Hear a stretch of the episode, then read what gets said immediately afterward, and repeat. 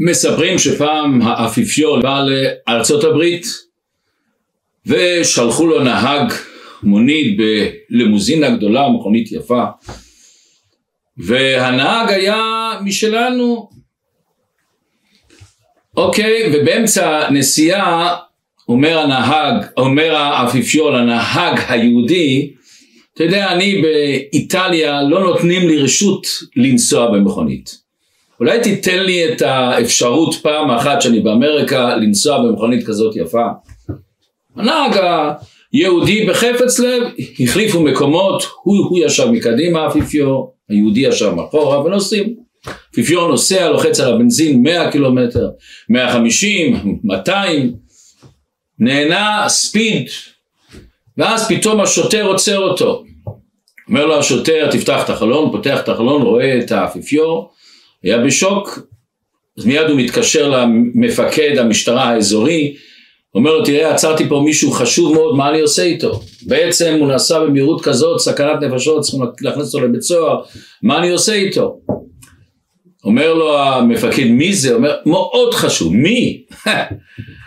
אז הוא אומר לו, תגיד לי, זה המפקד של כל משטרת ניו יורק? הוא אומר לי, יותר חשוב. המפקד הראשי של כל אמריקה, יותר חשוב, אומר. אומר לו, שר החוץ, שר הפנים, טראמפ, יותר חשוב, הוא אומר לו. מי זה? הוא אומר, תראה, אני לא יודע בדיוק מי זה, רק אני יודע שהאפיפיור הנהג שלו. הרי היום אנחנו נשוחח, זה לפני ראש השנה, יום הרת עולם, נשוחח קצת על הנקודה של שופר. למה שופר? מכיוון שבעצם אנחנו מכירים את הפסוק שמה זה, במה מתבטא ראש השנה, יום תרועה יהיה לכם. ושאומרת הגמרא מצוות היום בשופר. אנחנו יודעים שבכל חג יש את הנקודה שלו. בסוכות סוכה, בפסח אכילת מצה. מה העניין הזה בשופר? מה העוצמה, מה הגדלות, מה הקדושה הנפלאה שיש בשופר? מה זה אומר לנו? יש כאן עוד כמה שאלות. אנחנו יודעים שרבי סעדיה גאון אומר שבשופר ממליכים את הקדוש ברוך הוא למלך. מה קשור שופר להמלכת הקדוש ברוך הוא? מה זה אחד אל השני? למה לא ממליכים אותו בחצוצרות, בכינורות, בתזמורת יפה?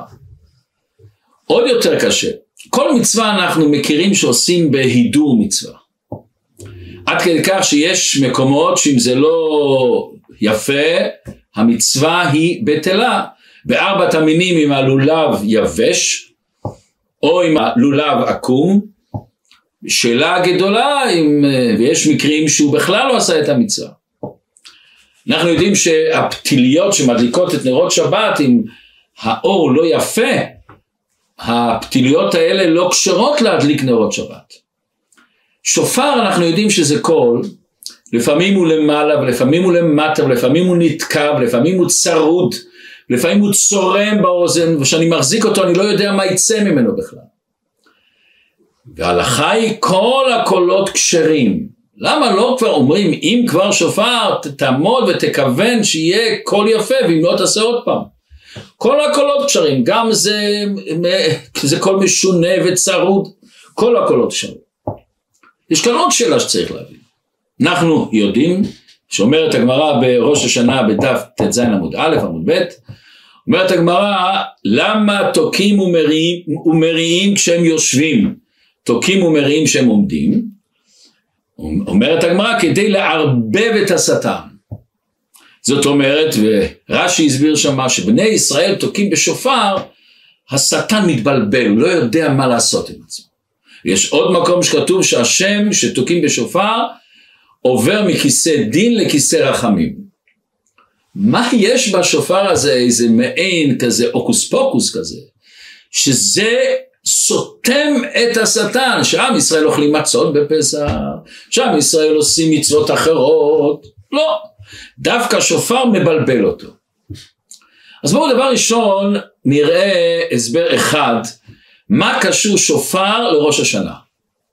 אז אנחנו יודעים שאנחנו אומרים בתפילה, זה היום תחילת מעשיך. זאת אומרת, ראש השנה זה תחילת מעשיך. אז כל המפרשים שואלים, הרי כתוב בכ"ה באלול נברא העולם. מה אני אומר? זה היום תחילת מעשיך, שזה היום התחילה בריאה. מוסבר בחסידות ובעוד ספרים. כל הערך של העולם, כל המשמעות של העולם, כל התכלית של העולם, כל השליחות של העולם זה האדם. אם לא היה נברא האדם, לא רק שלא הייתה כל ההתקדמות שאנחנו רואים בבריאה שלנו, היה הכל אדמה, צומח וחי וזהו זה, ג'ונגלים. לא רק זה, הנקודה הפנימית הוא שלא היה מי שמכניס קדושה בעולם. דווקא היהודי הוא שהוא עושה מצוות ממשיך קדושה בעולם. הוא מזכך את העולם, הוא מעלה את העולם, הוא עושה חסד, הוא עושה אהבת ישראל, הוא מרים את העולם. כל תכלית בריאת העולם זה רק בשביל האדם.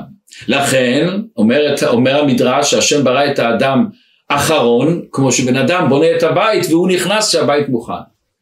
זאת אומרת, התורה אומרת לנו, הפסוק אומר לנו, זה היום תחילת מעשיך, בעצם הבריאה, מתי המשמעות שלה נהייתה? מתי שהתחיל האדם, נברא האדם, אז הוא נתן משמעות לעולם. אבל פה יש דבר מעניין מאוד. כשהקדוש ברוך הוא ברא את כל העולם, הוא ברא אותו בדיבור, ויאמר אלוקים יהי אור, ויאמר אלוקים יהי רקיע. כשהקדוש ברוך הוא ברא את האדם, כתוב ויפח באפיו נשמת חיים. מה ההבדל בין נפיחה לדיבור?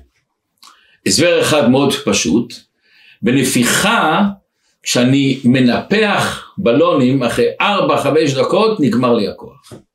בדיבור אנחנו יודעים, אנשים יכולים לשבת ולדבר שעות שעות שעות בלי שום בעיה. למה? בנפיחה אני מוציא משהו ממני. לכן כשאני נופח זה בכוח אני נופח. בדיבור אני מוציא רק הערה ממני.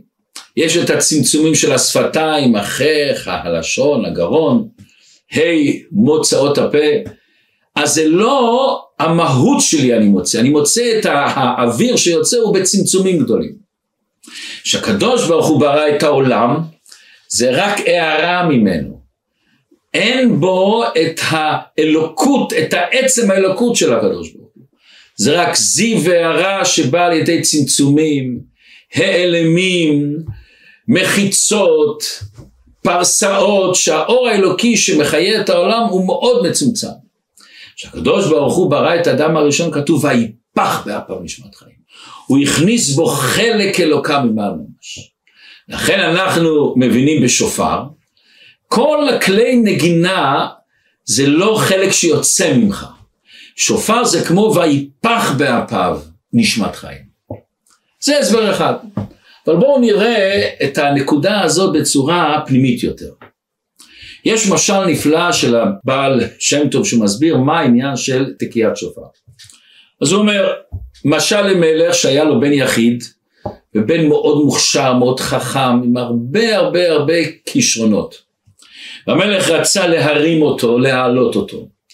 שמע, נשלח אותו למדינות רחוקות, נתן לו הרבה כסף, הרבה זהב, הרבה שרים והרבה עבדים, שילך וילמד ויגדל ויצמח יותר. במשך הזמן הלך ממקום למקום, בזבז את הכסף שלו, נכנס לתאוות העולם הזה שלקחו ממנו את הכל, כל הרכוש, כל העוצמה שלו הלך, השרים והעבדים עזבו אותו, פתאום לא הכירו אותו בכלל, לא היה לו כסף לפרנס אותם בכלל. והלך למדינה רחוקה, וכשהוא אמר להם אני הבן מלך, הם צחקו ממנו. למה? דבר ראשון השם של המלך הזה לא בא לאותן המדינות ואיפה אתה בן מלך? צחקו ממנו, ביזו אותו. במשך הזמן הוא גם שכח את שפת המלך, הוא דיבר בשפה הברברית של אותם אנשים. אחרי כמה זמן הרגיש שהוא רוצה לחזור למלך, פה אין לו כבר איפה לחיות. הלך למדינה של המלך, בא לעיר הבירה, וכשהוא נכנס לעיר הוא מתחיל להגיד אני הבן מלך אבל איך הוא לא יכול לדבר? שפה אז ברמזים הוא מראה על התמונה של המלך אני הבן אני צחקו ממנו. בא לחצר של המלך לשומרים גם התחיל להגיד לא רק צחקו ממנו הרביצו לו זוב דם קראו לו את הבגדים שלו הוא היה ממש בשיא בשיא השפלות. ואז הוא רוצה להתקשר עם האבא. לדבר הוא לא יכול לדבר, אז הוא נתן צעקה, צעקה, בלי דיבור, בלי שום דבר, צעקה והנחה שנבע מעצם הנפש שלו. ואז המלך שומע את הקול, אומר רגע רגע רגע, זה הקול של הבן שלי, זה הקרחט של הבן שלי. אומר הבעל שם טוב, כל יהודי מאיתנו הוא בן מלך, והוא היה למעלה, והוא היה שם עם, עם כל הצדיקים, היה בגן עדן, ולקדוש ברוך הוא רצה לה, להרים אותו, ירידת צורך עלייה. הוריד אותו לעולם הגשמי, ונתן לו המון רכוש, שכל, חוכמה, בינה, דעת, מידות, חסד, גבורה, תפארת, נצח, עוד יסוד, רצון, תענוג, חושים נפלאים. נתן לו אוצרות שלמים שהשתמש איתם על ידי זה שהוא התעלה. לאותו הבן מלך נכנס לתאוות, נכנס לתשוקות, נכנס למידות שליליות, ירד ירד עד שבאיזשהו מקום הוא שכח את שפת המלך. ואנחנו יודעים, הקדוש ברוך הוא לפעמים רוצה לעזור לנו, להמחיש לנו את הדבר הזה שנראה בעיניים שלנו, איך שאנחנו בעצם בני מלכים, ואיך שלפעמים כל כך ירדנו ושכחנו את שפת המלך. אז לא לפני הרבה זמן, ראיתי סיפור מעניין מאוד. בן אדם ש- שקראו לו מרקוס אנדרונזניז, ספרדי, ההורים שלו נפרדו, השאירו אותו בדד, בגיל שבע הוא הלך לעזור להיות רועה צאן. ואותו האיש הזקן הזה לימד אותו איך להיות רועה צאן, שיהיה לו מקצוע. ואחד היה ממוקם, ורואה שאותו המורה שלו, הזקן הזה מת, הוא נשאר ביער, לא יודע מה לעשות, לא יודע איך להסתדר. הוא נכנס לאיזה מערה, ובתוך המערה היו זאבים, והזאבים רצו להתחיל איתו. באה האימא של הזאבים והצילה אותו, זרקה לו אוכל. 12 שנה הוא היה עם הזאבים. למד את השפה שלהם, למד את ההתנהגות שלהם. ממש הוא היה כמו אחד הזאבים. בגיל 19, 17 שנה, 12 שנה אחרי שהוא בא איתם, מצאו אותו, החזירו אותו. בהתחלה הוא לא ידע מה זאת אומרת לאכול מאכלים של בני אדם. ברור שהוא לא ידע מה זה בגדים, איך לאכול. הבן אדם הזה היום בן 74. ובאיזשהו מקום שמדברים אותו על הזמנים האלו, הוא אומר, אה, ah, זה היה זמנים, זה היה זמנים. היום באיזשהו מקום הוא לא מוציא את עצמו. זה רק להמחיש לנו, אומר אבל שם טוב, כל דבר שבן אדם רואה או שומע, תלמד מזה לעבודת השם. לא רחוק להבין שאנחנו באותו מצב. ירידה. ירדנו ואנחנו באיזשהו מקום, הנפש הבהמית, הזאב שבנו, שולט עלינו. ואנחנו באיזשהו מקום שוכחים באמת מי אנחנו. באה הנשמה האלוקית שהיא תמיד נשארת אצלנו. ובאיזשהו מקום היא רוצה קשר עם האבא, היא רוצה לחזור לארמון המלך. אבל היא באה אל ארמון המלך, רוצה להתקרב, היא לא יודעת את השפה שלו. אומר הקדוש ברוך הוא, תצעק. בדיבור אני יודע, אני מבטא משהו, כשאני אומר משהו, אני מעביר מה שיש לי בשכל או מה שיש לי ברגש, במידות שלי, אהבה, יראה, אני מעביר משהו. כשאני מנגן ניגון אני גם מעביר משהו ממה שיש לי, מהשכל שלי, ואחד ששומע את הניגון או שומע את המילים, הוא יכול באיזושהי מידה אולי מוגבלת להרגיש ולהבין מה שאני מבין ומרגיש.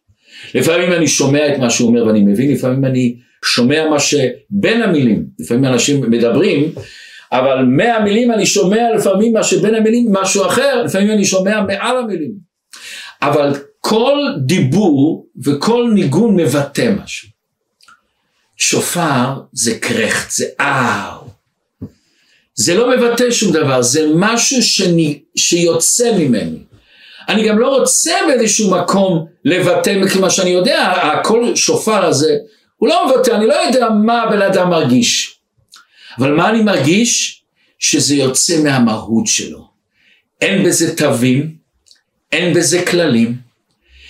אני מחזיק את השופר, אני לא יודע אפילו מה יצא מהשופר. מוסבר בחסידות שזה המקור התענוגים. ניגון זה תענוג, בדיבור גם יש תענוג. אבל מה המקור? זאת אומרת, כמו מעין, מהו הכוח היולי? הכוח היולי זה החומר בלי הצורה.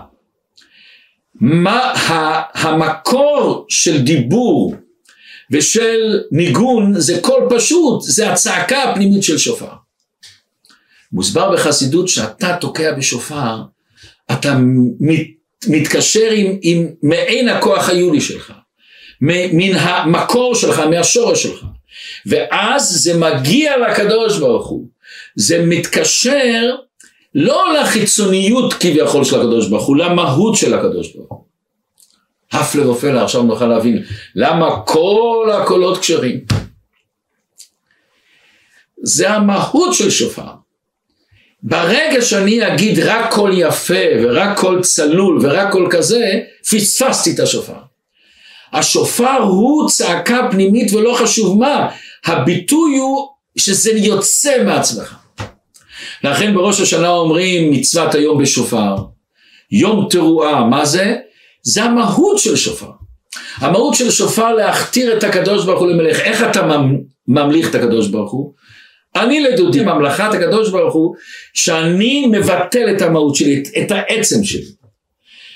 ולכן נוכל להבין עוד דבר מעניין. הסדר הוא ראש, ראש השנה, ואחרי זה יום כיפור. יום כיפור זה יום סליחה ומחילה, אומרים את העל חטא.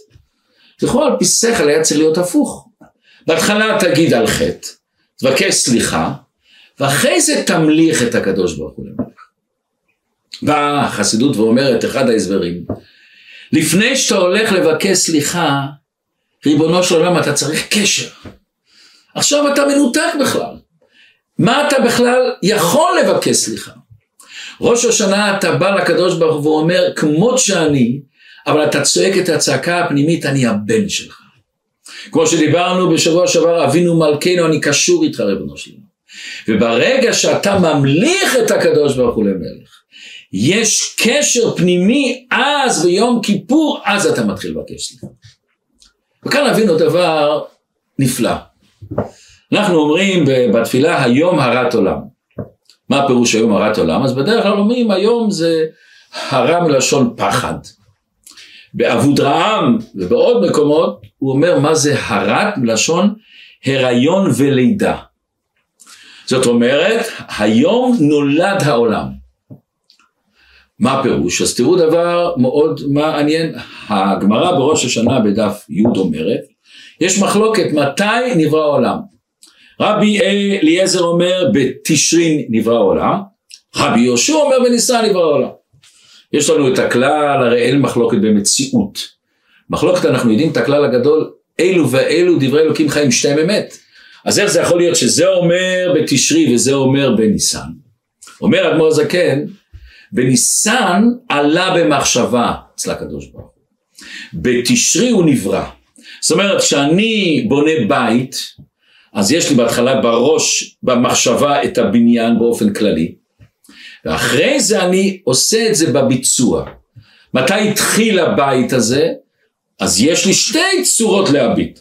אני יכול להביט מתי שישבתי בבית כנסת ועלה לי בראש הרעיון לארגן את הבית חב"ד הזה, את הבית כנסת הזה, אז בעצם הוא התחיל, אני יכול להגיד לא, זה היה במחשבה, מתי בפועל הוא נבנה, אז הוא נבנה. זה השתיהם אמת.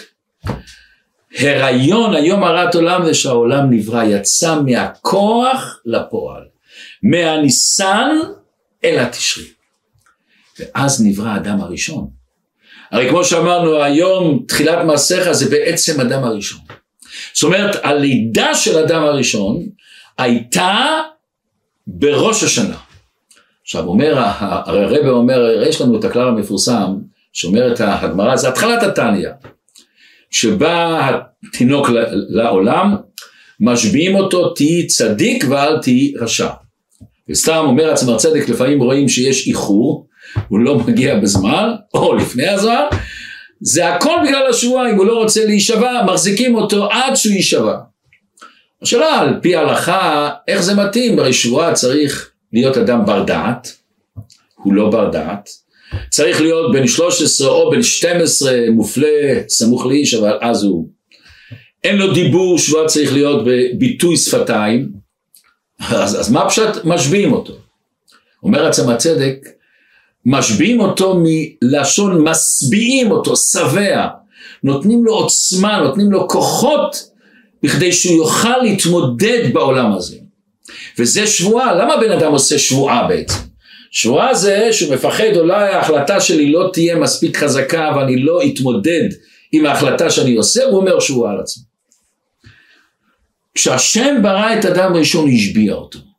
מה זה? נתן לו המון כוחות אלוקים, הוא נהיה שבע בהמון כוחות.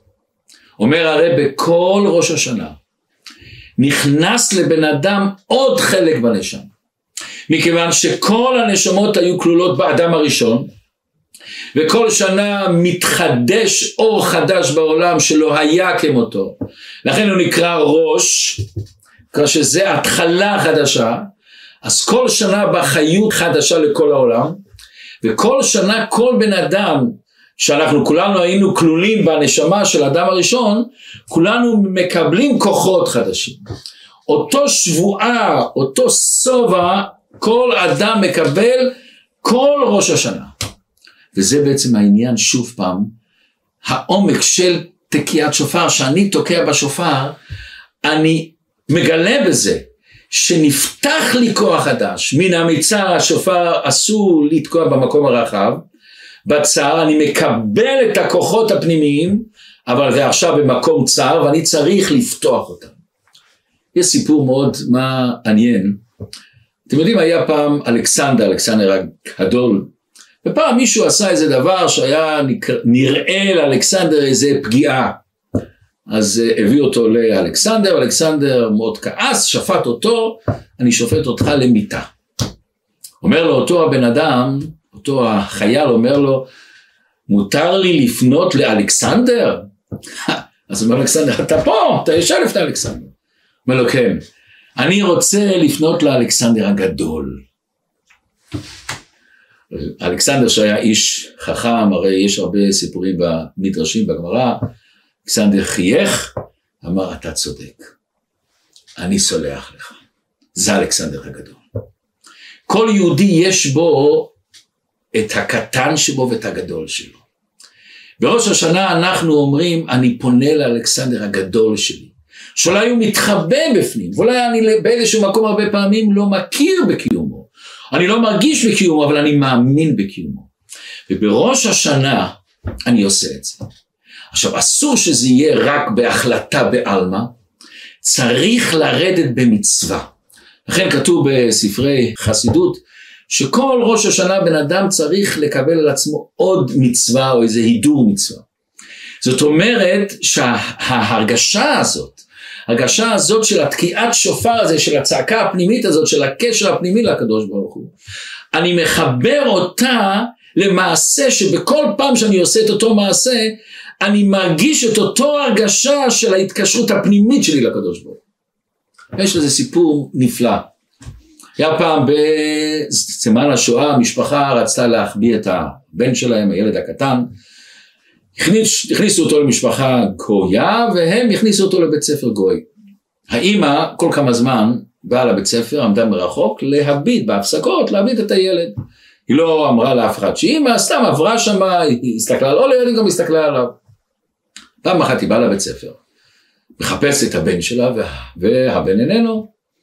התחילה לברר איפה, נכנסה לבית ספר, איפה הילדים, אמרו, עשו לטיול.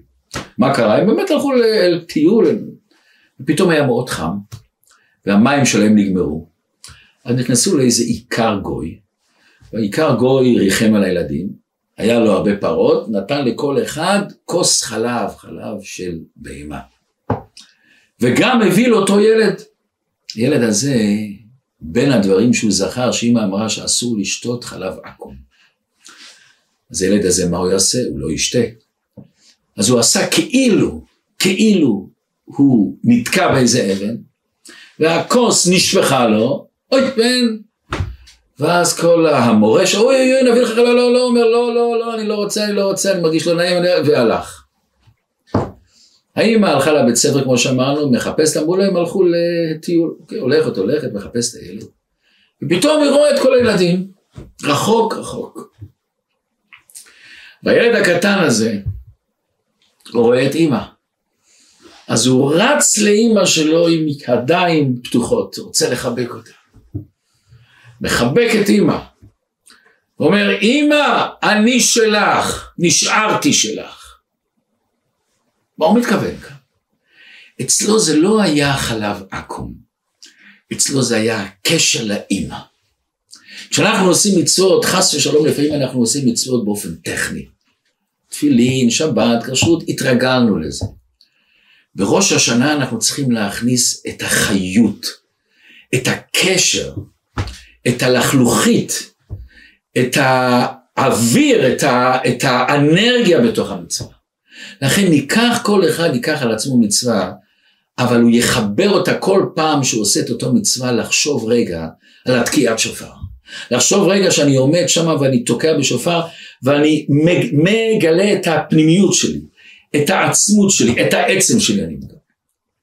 ולפי זה נבין עוד דבר מאוד מעניין. יש כמה פעמים שתוקעים בשופר. אחד מהם בשנת היובל, שגם היובל זה סמל שאתה נפתח, אתה נהיה בן חורים. כתוב במתן תורה, וכל השופר הולך וחזק. למה? מתן תורה אז אשר בחר בנו מכל העם. המהות של עם ישראל נשתנתה במהות שלה, היא נהפכה להיות מבן אדם לחלק אלוקם ממעם ממש, השם בוחר אותו. מאדם שחס ושלום יכול חלילה וחס להיות לא יהודי, הרי אנחנו מכירים ש-80% מעם ישראל נשארו במצרים. אבל אחרי מתן תורה שהשם בחר בנו כתוב כי לא יידח ממנו נידח. בפסח אנחנו אומרים לרשע אילו היה שם לא היה נגאל. יש שיחה נפלאה אבל רק נגיד את הנקודה מה כאן אני אומר לרשע שאין לך תשובה שאין לך סיגוי שלא היית נגאל לא אני אומר לרשע אני רוצה הרי לקרב את הרשע אז אני אומר לרשע אילו היה שם אם היית במצרים לא היה נגאל אבל עכשיו אחרי מתן תורה כל אחד תמיד יכול לחזור לקדוש ברוך הוא אין דבר העומד בפני התשובה. אז במתן תורה נהיה השופר הזה. הקשר הפנימי עם הקדוש ברוך הוא. הצ... הקשר של בן אדם עם הפנימיות שלו עם הקדוש ברוך הוא. עוד מקום יש לנו את השופר. בביאת משיח. כתוב ובשופר הגדול ייתקע ובאו העובדים מארץ אשור והנידחים מארץ מצרים. מה זה העובדים מארץ אשור? אלה שהעושר, התאוות, הלוקסוס שבחיים, זה עשה להם עובדים. והנידחים בארץ מצרים, אלה שהמצרים, הצרות, הצמצומים, העניות, הבעיות, הם חלילה עשו אותם לנידחים. בשופר גדול ייתקע, השופר הזה יפתח אותם. יפתח את הפנימיות שלהם, וגם אם ירדת ונהיית או עובד או נידח אתה תחזור. איך אני יודע שבשופר גדול ייתקע? מתי אני יודע את זה? בזמן שיהיה ובאו העובדים מארץ אשור. בזמן שיהיה והנידחים מארץ מצרים, אז השופר הגדול. אצלנו באנפרפ יש כאן בית ספר, תא חכמוני, שיש שם ילדים לא שומרי תורה מצוות. פעם אמרתי שם שיעור ודיברנו על משיח, אז אני שומע אחד הילדים מדבר, אז אני אומר, יש לכם משהו לשאול? תשאל, אז הוא מרים את היד ואומר, הרב, כן, אנחנו זוכרים, שמענו, למדנו שיתקו בשופר, ואז המשיח יבוא ואז נלך לארץ. אבל המשיח בא לארץ ישראל, איך נשמע את השופר שלו? שאלה יפה. הוא לוקח את זה פרקטי, הוא לא סתם. אומר לו החבר שלו, אה, ah, אתה לא מבין, הוא אומר. לא האוזניים ישמעו, הלב ישמע, הנשמה שלנו תשמע. אוי כמה שהוא צודק. זה השופר הזה שיעורר את הפנימיות שלך, שגם אם אתה נידח, וגם אם אתה עובד, תגלה את הפנימיות שלך. ולכל אחד מאיתנו יש את הפנימיות הזו, ואנחנו צריכים לגלות את הפנימיות הזו. לפי זה נבין עוד דבר, מה, אני כן מאוד מאוד. איך שכתוב במדרש, שבשעה שבני ישראל שחייבים במעשה מרעים ובאים ועושים תשובה ומתפללים לפניך בראש השנה וביום הכיפורים לפי שהם מחדשים את מעשיהם קדוש ברוך הוא בורא אותם בריאה חדשה. אומר המדרש ויש עוד כאלה מקומות שבן אדם עושה תשובה הוא כמו בריאה חדשה וזה בראש השנה, שדווקא אז אתה תוקע בשופר, ודווקא אז אתה נברא מחדש, ואתה מחדש את עצמך, ואתה פותח את הכוחות שלך, ואתה מאמין בכוחות שלך, אז נפתח בך משהו חדש. יש כזאת בדיחה, שפעם הגמל הקטן, הבן של הגמל, אומר לאימא שלו, לאבא שלו, למה יש לנו רגליים ארוכות? אז הוא אומר, למה? אנחנו במדבר, במדבר צריכים לרוץ הרבה. אז השם עשה לנו רגליים ארוכות שנוכל לרוץ מרחקים גדולים. גם שהחום של החול לא יחמם אותנו, אז אנחנו, עשו אותנו יותר גבוהים. שואל, אוקיי אבא ואמא, אבל למה הריסים גדולים? אתה לא יודע למה? מכיוון שהקדוש ברוך הוא יודע שאנחנו במדבר, ויש חול במדבר, והחול הזה יכול להיכנס לעיניים, אז השם עשה ריסים גדולים שיעצרו אותנו. שואל הילד הזה, ולמה אנחנו יכולים לשתות הרבה? אתם יודעים, הגמל יכול לשתות ולהחזיק אצלו המון המון מים, הוא יכול לשתות 150 ליטר מים. למה אנחנו יכולים לשתות כל כך הרבה? אותו דבר, אנחנו הולכים במדבר, הרבה זמן אין מים, אז יש לנו את האפשרויות לחיות. אז אומר, הילד, אבל אבא ואמא, אני לא מבין. אנחנו, השם עשה לנו כל כך הרבה דברים נפלאים בכדי שנוכל לרוץ במדבר, לחיות הרבה זמן בלי מים, שלא ייכנס לכלוך בנו. אז מה אנחנו עושים פה בגן חיות? כל אחד מאיתנו עושה לעצמו גן חיות. כל אחד מאיתנו באיזשהו מקום עוצר את עצמו. יש לנו את הכוחות ללכת במדבר, להחזיק מעמד גם שיש חול ויש סופות ויש תאוות, גם שיש בוץ, גם שיש לנו מצב שאין מים, אנחנו יכולים להמשיך.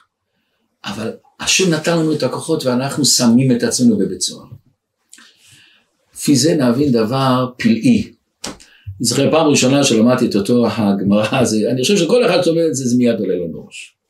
אומרת הגמרא ככה, שאמר אביי יום תרועה יהיה לכם, אומר התרגום יום יבבה יהון לכון. זאת אומרת יהיה לכם יום ליבב. עכשיו אתם יודעים שיש לנו שני צורות של שברים, שזה שלושה תנועות, ויש תרועה שזה כמו בכי חזק. אוקיי. אומרת הגמרא מאיפה לומדים את היבבה? אומרת הגמרא, לומדים את זה מאם של סיסרא.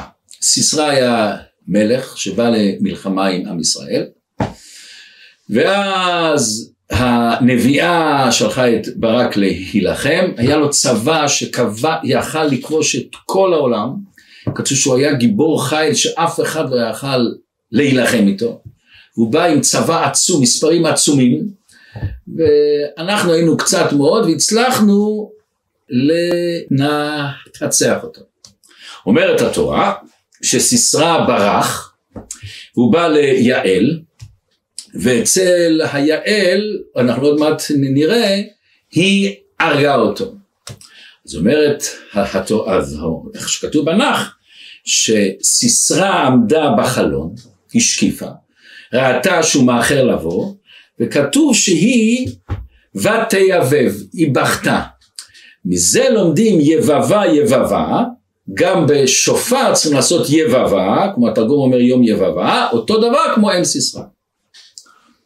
אומר שם התוספות בשם הערוך, וגם ככה כותב הטור ועוד ספרים, שמזה מגיע מנהג שעל פי האריזה שתוקעים מאה קולות, יש כל מיני צורות איך אבל מאה קולות, מכיוון שהאימא של סיסרא בכתה מאה יבבות, מאה פעיות, מאה יבבות היא בכתה. מה הפשט פה?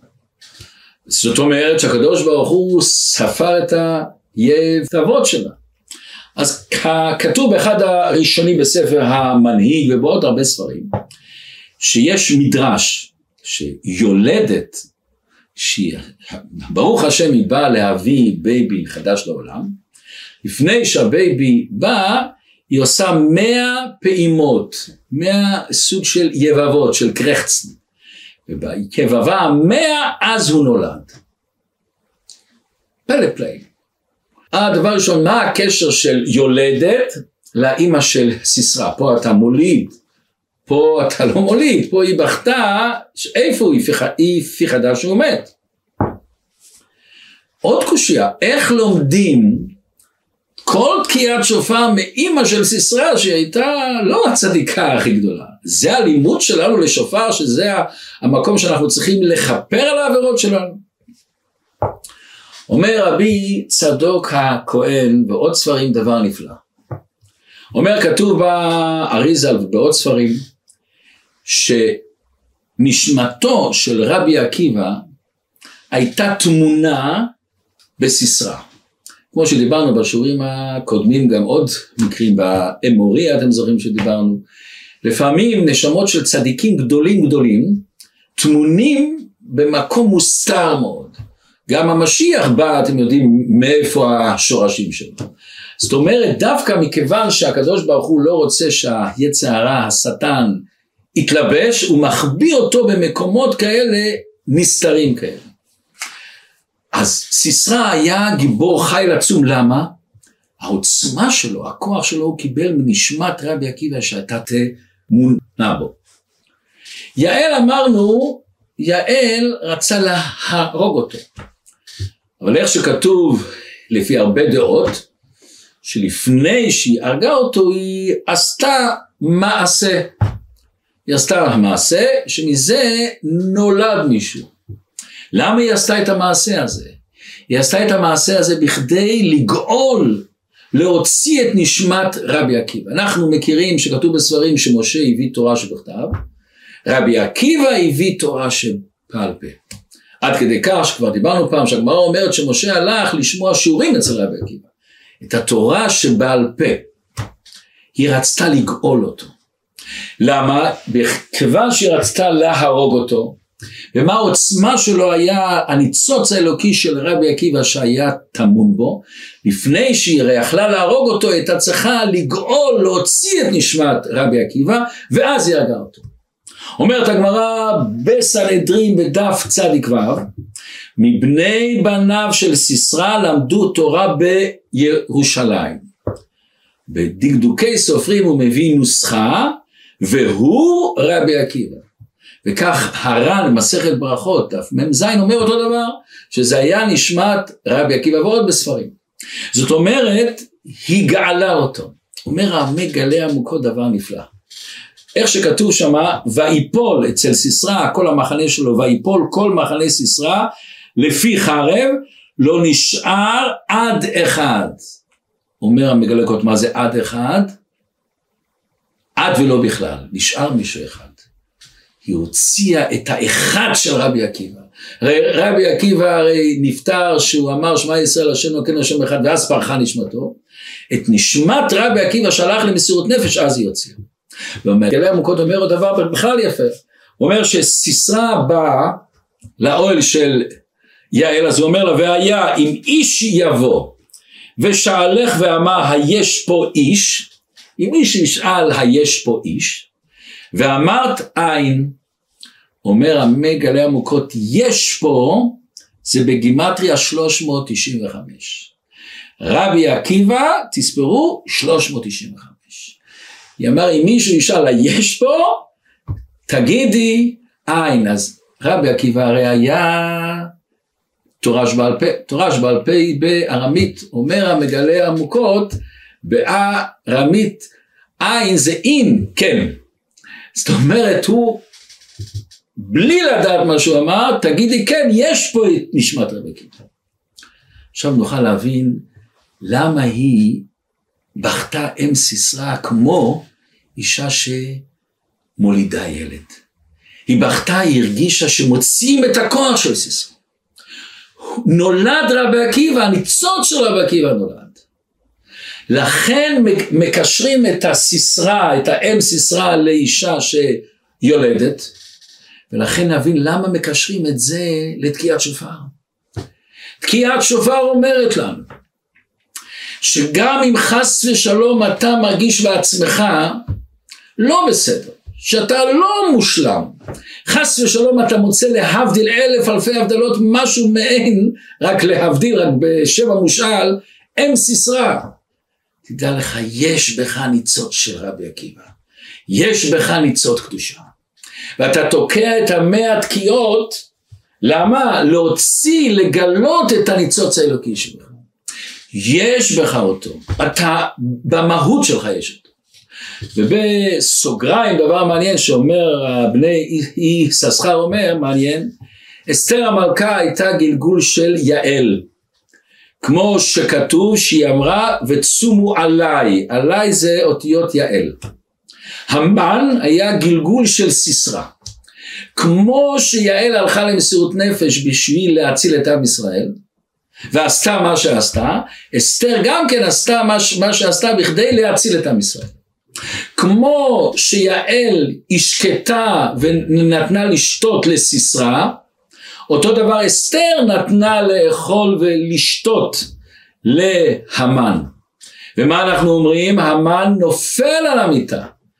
אותו דבר שהיה אצל סיסרא ויעל. ואז הייתה המפלה שלו. זה העבודה שלנו. נבין לפי זה דבר נפלא. השפת אמת אומר שהעבודה של שופר היא כל כך קדושה, ואנחנו צריכים להתרגש שאומרים את זה. כמו עבודה של כהן גדול בקודש הקודשים. הוא מביא לזה הוכחה נפלאה. על פי הלכה לכהן גדול אסור להלביש בגדי זהב, למה? כשהוא נכנס לקודש הקודשים אסור להזכיר את עגל הזהב. בהיכל, לא בקודש הקודשים היה מותר, הפוך, הוא היה צריך ללכת עם בגדי זהב.